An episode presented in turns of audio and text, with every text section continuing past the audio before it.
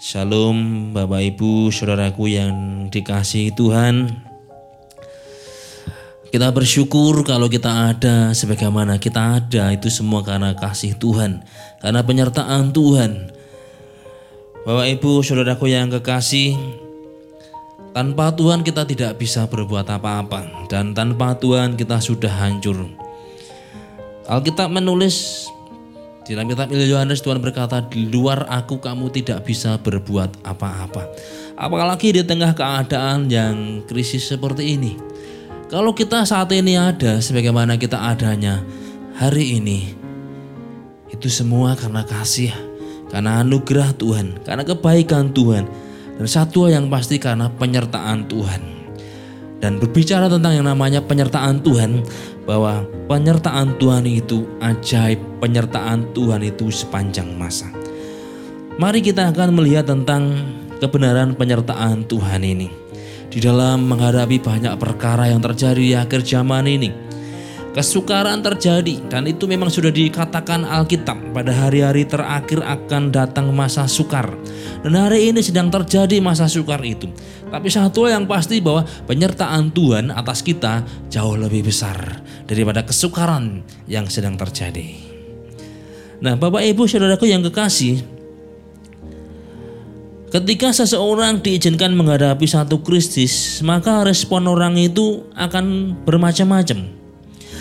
Tapi pada intinya kalau boleh saya katakan respon seseorang ketika menghadapi satu krisis itu ada dua yaitu positif dan negatif. Ketika seseorang diizinkan mengalami yang namanya krisis dalam hidupnya, tantangan atau permasalahan yang berkaitan dengan keadaan, maka ada orang itu cuek. Dia nggak peduli masa bodoh. Ada lagi orang yang ketika diizinkan mengalami permasalahan kemudian malah menyalahkan Tuhan. Kok Tuhan begini sih? Kok Tuhan nggak peduli? Padahal sebenarnya Tuhan peduli yang disalahkan Tuhan. Seperti Raja Israel ketika diizinkan keadaan mengalami krisis karena dikepung oleh bangsa Aram dan dia berkata, sesungguhnya malah petaka ini datangnya dari Tuhan. Malah Tuhan yang dijadikan kambing hitam, Tuhan yang dijadikan objek salah. Ada lagi orang yang menyalahkan keadaan. Ada lagi orang yang menyalahkan orang lain. Oh, gara-gara itu, gara-gara ini, gara-gara bangsa itu dan sebagainya. Saudaraku yang kekasih, ini tidak akan menyelesaikan masalah. Justru malah bisa menambah kekacauan. Tidak ada solusinya. Tapi ada orang yang dia bisa belajar dari masalah sehingga dia bisa semakin bijak, bisa semakin berhikmat. Orang bijak adalah orang yang bisa belajar dari segala sesuatu yang terjadi agar ia semakin baik. Dia bisa belajar dari kesalahannya sendiri, dia bisa belajar dari kesalahan orang lain, tapi juga dia bisa belajar dari keberhasilan orang lain sehingga dia semakin bijak. Dalam mengambil tindakan orang ketika diizinkan mengalami masalah juga pada intinya kalau boleh diringkas jadi dua hal, positif dan negatif. Ketika terjadi masalah, ada orang tindakannya itu konstruktif, yaitu membangun, membuat menjadi lebih baik, ada penyelesaian, ada solusi. Tapi ada yang kemudian malah destruktif, merusak. Ketika dia mengalami masalah, kemudian mungkin emosional, marah, dan kemudian membanting sesuatu, merusak sesuatu dan akhirnya tambah ruwet permasalahannya tidak ada solusi malah makin rugi. Jadi permasalahan yang muncul itu sebenarnya juga bisa membuat orang itu akan nampak aslinya.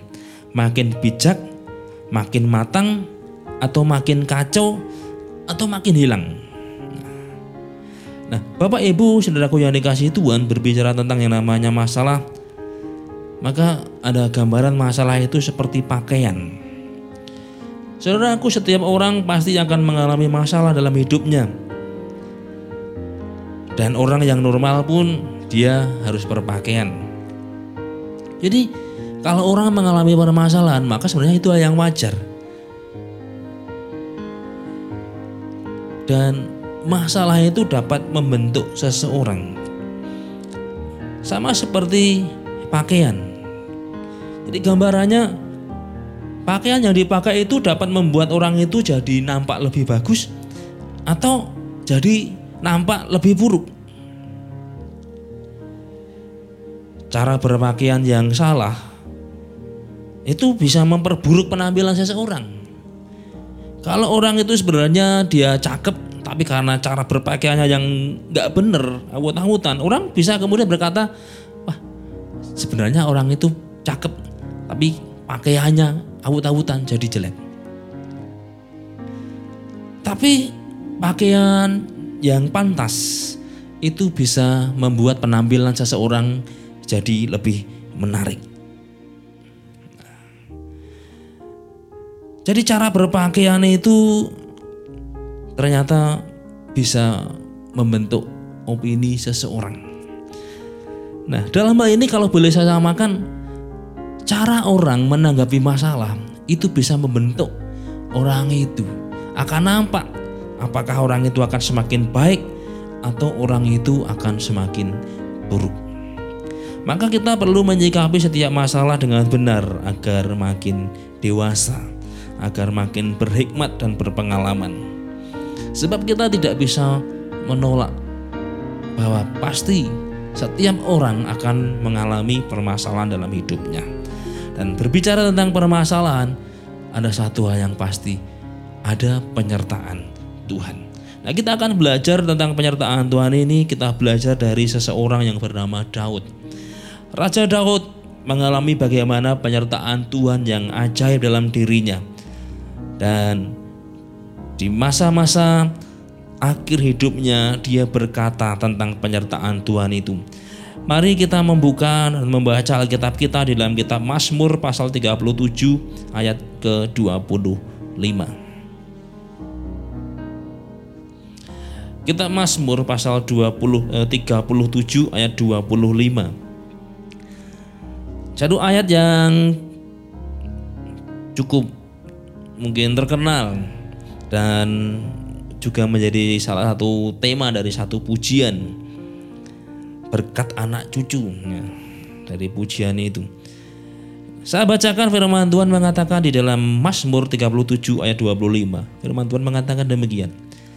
Dahulu aku muda, sekarang telah menjadi tua. Tetapi tidak pernah kulihat orang benar ditinggalkan atau anak cucunya meminta-minta roti. Saudara yang dikasih Tuhan, Daud ketika dia di akhir hidupnya dia menyimpulkan bahwa tidak pernah dia lihat orang benar ditinggalkan. Bahkan anak cucunya diberkati. Apa yang dapat kita pelajari dari perkataan Daud ini? Saudara sesuatu Daud berkata dahulu aku muda sekarang telah menjadi tua. Itu proses. Dalam dunia itu ada yang dapat dihindari dan ada yang tidak dapat dihindari. Jika sesuatu itu tak mungkin dihindari maka tentunya kita perlu persiapan agar Ketika harus menghadapi hal itu kita mampu mengatasinya. Nah, Daud berkata, "Dahulu aku muda, sekarang telah menjadi tua." Saudaraku yang dikasih Tuhan, orang menjadi tua itu sesuatu yang tidak bisa ditolak.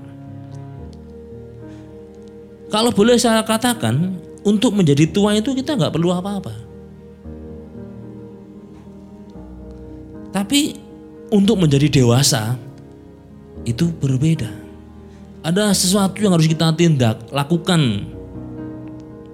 Tapi untuk menjadi tua, dengan bertambahnya waktu otomatis kita akan bertambah tua. Sekian tahun bertambah lagi, sekian tahun lagi, sekian tahun lagi. Tahu-tahu mungkin kita, wah sudah kepala lima, tahu-tahu eh sudah kepala tujuh, tahu sudah kepala delapan. Artinya untuk menjadi tua itu kadang-kala kita tidak menyadari. Karena itu satu proses yang terus-menerus dan kita tidak bisa menolak. Kita tidak perlu menambahkan apa pun untuk menjadi tua. Karena memang itu proses yang tidak dapat kita hindari. Sekalipun ada orang dia membuat ramuan jamu atau obat untuk menangkal eh, penuaan, tapi entah itu kosmetik dan sebagainya, saudara dikasih Tuhan itu tidak akan pernah bisa menolak dan orang pasti akan menjadi tua. Jadi ada di dalam dunia itu sesuatu yang tidak mungkin dihindari. Sama seperti menjadi tua, semua orang pasti akan menjadi tua. Nah, karena kita pasti menjadi tua, maka kita dapat bersiap-siap. Maksudnya agar jangan sampai ketika masa tua nanti kita menjadi beban bagi anak cucu. Nah, persiapannya bisa misalkan dengan kita menjaga tubuh yang sehat, olahraga, makan makanan yang bergizi, dengan pola hidup yang sehat. Ya, kita berharap ketika masa tua nantinya tidak menjadi beban bagi anak cucu. Itu satu persiapan. Karena apa? Menjadi tua itu hal yang pasti. Tapi menjadi dewasa itu pilihan. Ada satu hal yang mesti kita kerjakan agar kita dewasa dalam berpikir kita. Nah, di sini saya menggarisbawahi bahwa ada sesuatu hal di dalam hidup manusia itu ada hal yang pasti harus terjadi dan dia tidak bisa menolak. Kita tidak bisa mengalihkan, oh jangan terjadi. Tapi itu memang harus terjadi. Nah saudara yang kasih Tuhan, salah satu yang terjadi hari-hari ini. Ketika dunia mengalami yang namanya krisis itu sesuatu yang tidak bisa ditolak. Mau tidak mau kita harus mengalami yang namanya dampak dari COVID-19. Mau tidak mau dunia harus mengalami yang namanya wabah virus dan ada satu uh, entah ini pendapat atau mungkin ada yang mengatakan sesuatu apa kebetulan atau tidak tapi dikatakan di dalam video itu tahun 1720 eh, terjadi wabah. 1820 terjadi wabah. 1920 terjadi wabah. Dan 2020 terjadi wabah. Dan setiap tahun yang berakhir dengan 20 kenapa terjadi wabah ada lagi teori konspirasi dan sebagainya tapi satu yang pasti saudara ini kasih Tuhan bahwa ketika hari ini terjadi satu wabah satu virus itu sesuatu hal yang kalau boleh saya katakan itu tidak bisa dihindari dan memang Tuhan izinkan itu harus terjadi Dan Tuhanmu sudah mengatakan akan terjadi satu badai. Dan ada seorang hamba Tuhan beberapa puluh tahun yang lalu mengatakan akan terjadi wabah. Amerika akan terpukul. Dan kemudian nanti setelah itu akan terjadi kebangkitan yang ketiga. Nah saudaraku yang dikasih Tuhan, kalau hari ini terjadi yang namanya wabah coronavirus disease 19 kalau boleh saya katakan itu sesuatu yang memang harus terjadi. Nah, nah yang perlu bagi kita sekarang adalah mari kita belajar dari Daud. Ketika ada sesuatu hal yang tidak bisa Daud tolak, maka ia hadapi. Ketika kita harus menghadapi kenyataan yang terjadi seperti ini, maka kita perlu berhikmat seperti Daud. Saudara, mari kita melihat kehidupan Daud. Ada sesuatu hal yang Daud tidak bisa menolak dan itu harus dia hadapi. Daud mengalami banyak hal, masalah, ancaman, banyak yang mengecewakan dalam hidupnya. Mungkin hari-hari ini ada orang percaya juga mengalami kondisi seperti Daud. Dia mengalami bagaimana keadaan yang membuat dia kecewa. Dia mungkin mengalami keadaan seperti Daud membuat menjadi satu masalah atau terancam dan sebagainya. Kalau kita melihat kehidupan Daud, bagaimana kita melihat, saudara, akan kita temukan Daud ini mengalami banyak hal dalam dirinya, dalam hidupnya yang mengecewakan.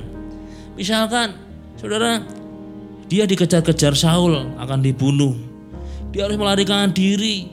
Dia tinggal di gua, tinggal di hutan sebagai seorang pelarian istrinya yang adalah anak Saul diberikan pada orang lain. Saudara, kalau boleh kita katakan itu sesuatu hal yang menyakitkan hati Daud. Saul itu adalah mertua Daud, tapi justru mertuanya ini bukannya menganggap Daud sebagai anak seperti anak kandungnya, tapi justru mengikhtiarkan kematian Daud. Ketika Daud jadi raja pun Daud diberontak oleh anaknya sendiri yaitu Absalom. Daud harus melarikan diri dari istana. Saudara itu masalah, itu ancaman yang bisa mencabut nyawa Daud. Tapi satu yang pasti adalah kita melihat Daud tidak tenggelam dalam masalah. Karena Daud melihat bahwa di balik setiap masalah yang Tuhan izinkan terjadi, di situ ada pertolongan Tuhan. Yang Daud lihat adalah tangan Tuhan yang siap menolong.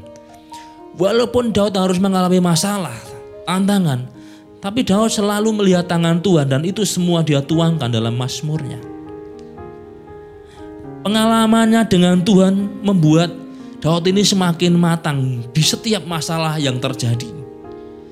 Nah, saudara ini kasih Tuhan mungkin hari ini banyak anak-anak Tuhan mengalami atau kena dampak dari masalah COVID-19 ini.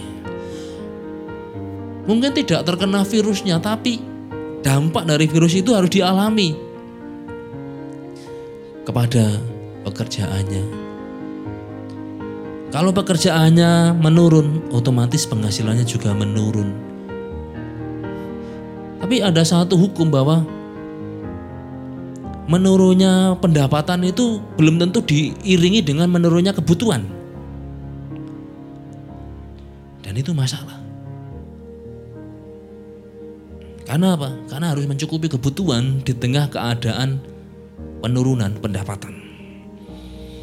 Tapi satu hal yang menjadi satu uh, boleh dikata Tuhan itu menciptakan manusia itu dilengkapi dengan yang namanya kemampuan beradaptasi. Jadi dengan kondisi yang ada manusia itu sebenarnya dilengkapi kemampuan untuk beradaptasi supaya bisa menyesuaikan dengan keadaan. Tapi itu bukan perkara yang mudah. Mungkin segi yang lain juga.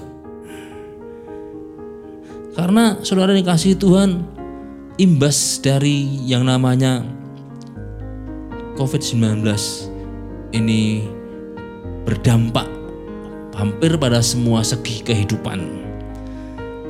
Perekonomian, perdagangan, pariwisata. Kalau misalkan industri pariwisata kena otomatis juga berimbas pada yang berhubungan dengan pariwisata, traveling, juga orang-orang yang berjualan cenderamata di daerah pariwisata. Kalau lokasinya ditutup, jualannya nggak ada yang beli lagi karena apa? Nggak ada orang datang. Itu masalah. Dan hari ini sedang terjadi, sudah yang kasih Tuhan. Itu sama seperti Daud ketika dia mengalami permasalahan di dalam dirinya, ancaman. Dan Daud harus melarikan diri. Tapi mari kita belajar dari Daud. Yang dilihat Daud bukan masalahnya, tapi hatinya, matanya yang tertuju pada Tuhan. Dan Daud tahu bahwa Tuhan tetap mengasihinya.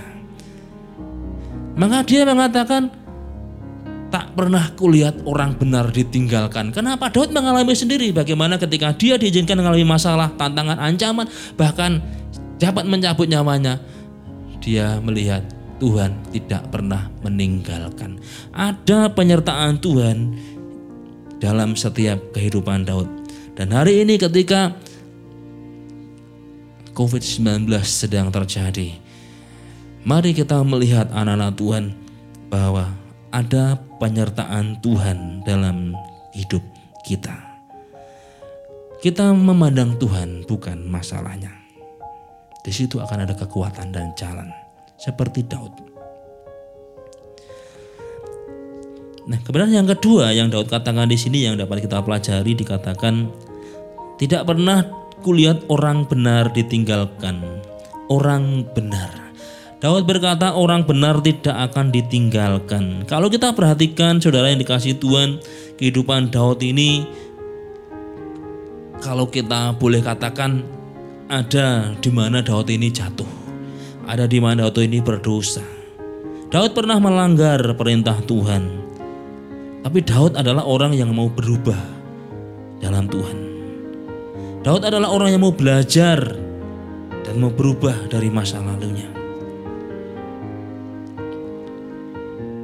Kata orang benar yang di sini ditulis dengan kata sadik dan Septuaginta menerjemahkan dengan kata dikaion dalam gender neuter dalam gender maskulin dikaios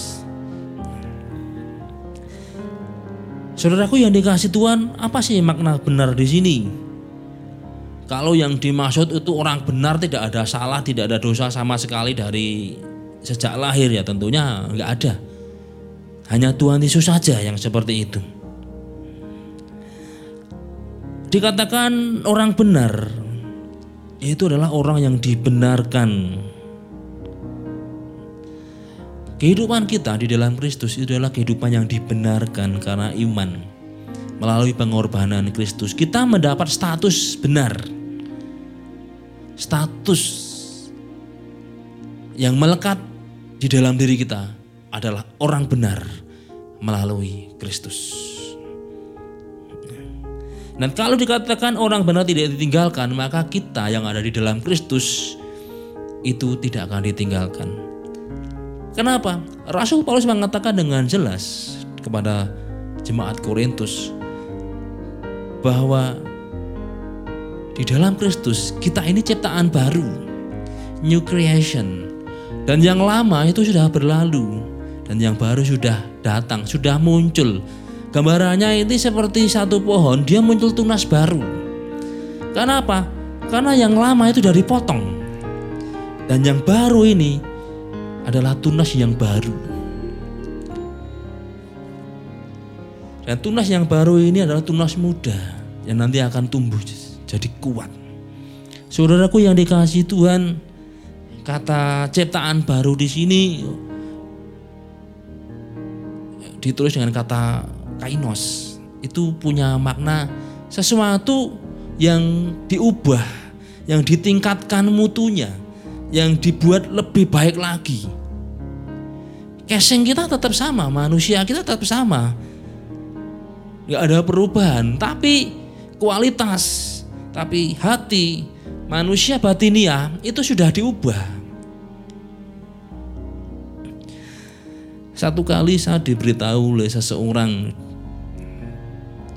dia tinggal di Gubeng gitu jadi Surabaya.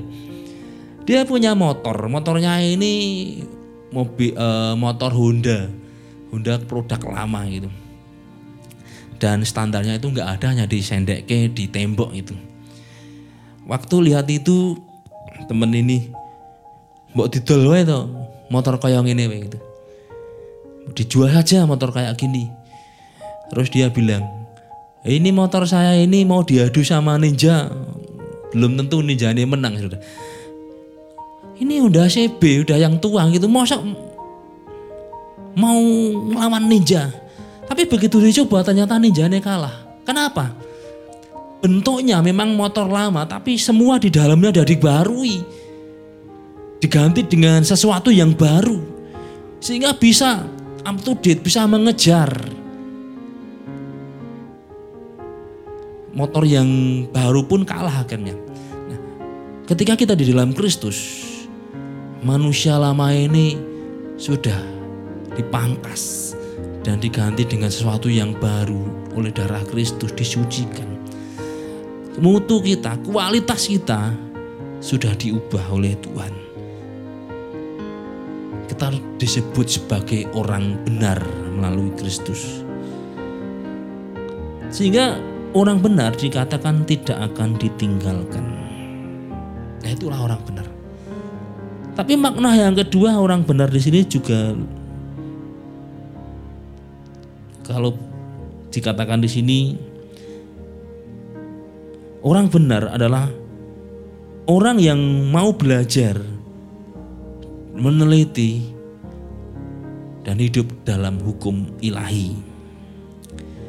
Jadi orang benar adalah orang yang dia dibenarkan dan kemudian dia menjaga hidupnya dengan firman. Nah, itu yang dikatakan oleh Daud dalam kitab Mazmur pasal yang pertama. Orang yang kesukaannya merenungkan Taurat Tuhan siang dan malam. Itulah orang benar yang hidupnya berpaut pada Taurat Tuhan, pada firman Tuhan.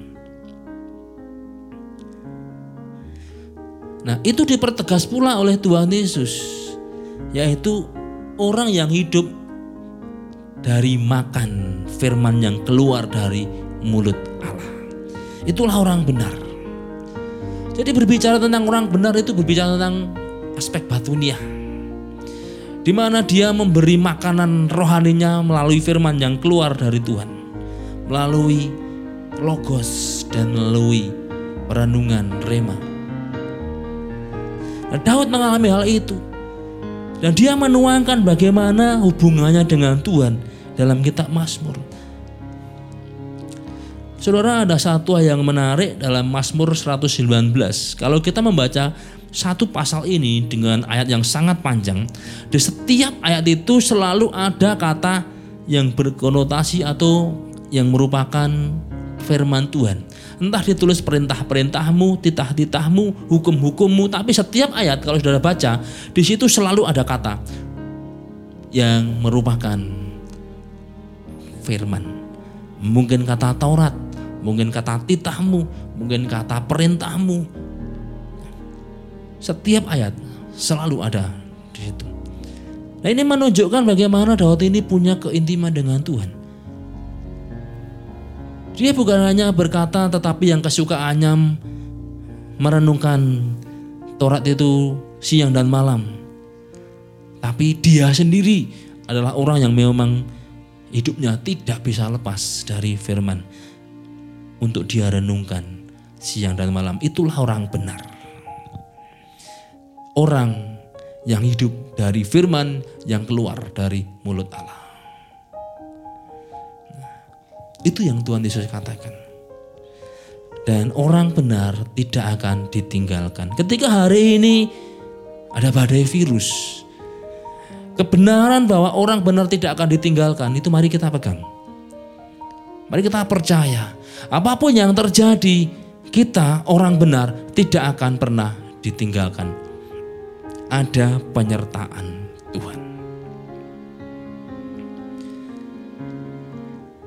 Kata ditinggalkan di sini itu ditulis dengan kata asap. Asap di sini dalam bahasa Ibrani ya, bukan bahasa Arab. Dan kata asap ini maknanya yang pertama kalah atau sendiri. Orang benar dia tidak akan ditinggalkan, berarti orang benar akan dibela Tuhan, dia tidak akan sendiri menghadapi permasalahannya. Tuhan akan berpihak kepadanya. Nah, Daud mengalami hal ini bagaimana Tuhan membela dia dalam hidupnya. Dalam menghadapi masalah yang muncul, dia dikejar-kejar Saul, dia mau dibunuh. Anaknya sendiri Absalom memberontak. Daud tidak pernah ditinggalkan Tuhan. Tuhan membela Daud. Kenapa? Karena Daud menjaga hatinya tetap berpaut dengan Tuhan. Dalam menghadapi masalah yang terjadi karena virus corona ini, mari kita percaya, kita yakin kita adalah orang benar. Kita pasti dibela Tuhan. Tuhan tidak akan membiarkan kita. Tuhan ada di pihak kita. Makna yang kedua, asap itu juga punya istilah to restore dipulihkan. Kalau kita hidup sebagai orang benar, maka ada satu kebenaran, maka kita akan dipulihkan. Tuhan akan memulihkan keadaan kita. Daud mengalami hal itu. Bagaimana ketika dia harus lari, dia tidak tinggal di dalam rumah. Saudara, Daud ketika dia oleh Saul dinikahkan dengan Mikal. Tapi yang terjadi Daud akan dibunuh Sehingga Mikal terpaksa menurunkan Daud supaya dia selamat dari Saul dan tentara-tentaranya. Dan Daud kemudian mengembara. Kita bisa bayangkan Daud yang belum lama menikah dengan Mikal, tapi dia harus pergi. Dia ada di padang gurun, dia ada di pegunungan, di gua, di hutan. Satu keadaan yang menderita. Tapi kita melihat Tuhan memulihkan Daud. Hal yang sama ketika Absalom memberontak Daud juga Daud juga harus lari. Ketika Daud ini dicaci maki oleh Simei, Daud diam aja. Salah satu orang Daud berkata, kenapa anjing ini berkata seperti itu? Biarkan aku melempar dia dengan lembing, maka dia akan tewas. Daud, Daud berkata, biarkan saja. Kalau memang Tuhan yang mengizinkan itu, Tuhan menyuruh dia mencaci aku, biarkan. Daud lebih suka menaruh hatinya pada Tuhan dan membiarkan supaya Tuhan yang membela dia. Daud dipelihara, ada di Mahanaim, Daud dipelihara oleh Barsilai dan beberapa orang. Tapi Tuhan kemudian memulihkan keadaan Daud, dia kembali ke istana. Saudara ini kasih Tuhan. Ketika hari ini banyak anak Tuhan mengalami yang namanya dampak dari wabah ini. Percayalah Tuhan akan memulihkan kita.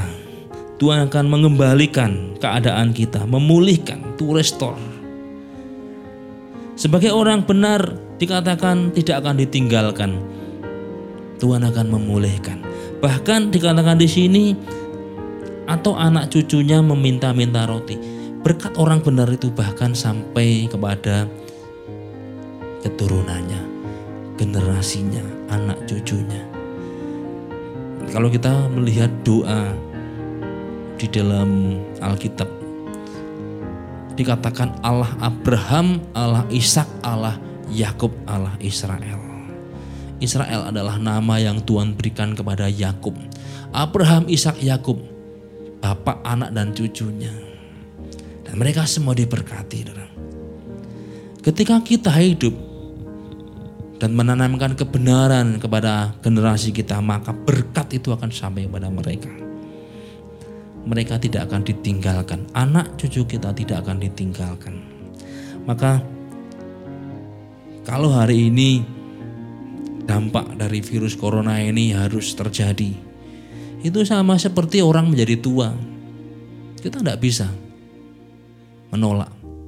Tapi satu yang pasti Tuhan nggak pernah meninggalkan kita. Memang wabah harus terjadi. Tapi mari kita melihat bahwa Tuhan tidak pernah meninggalkan kita. Tuhan akan memulihkan keadaan kita. Tuhan pasti membela kita. Maka mari kita fokuskan pada Tuhan. Kita pandang Tuhan, maka pembelaan Tuhan akan kita rasakan, akan kita nikmati dalam hidup kita. Nah, puji Tuhan, bila firman Tuhan ini jadi berkat bagi setiap kita. Tuhan Yesus memberkati.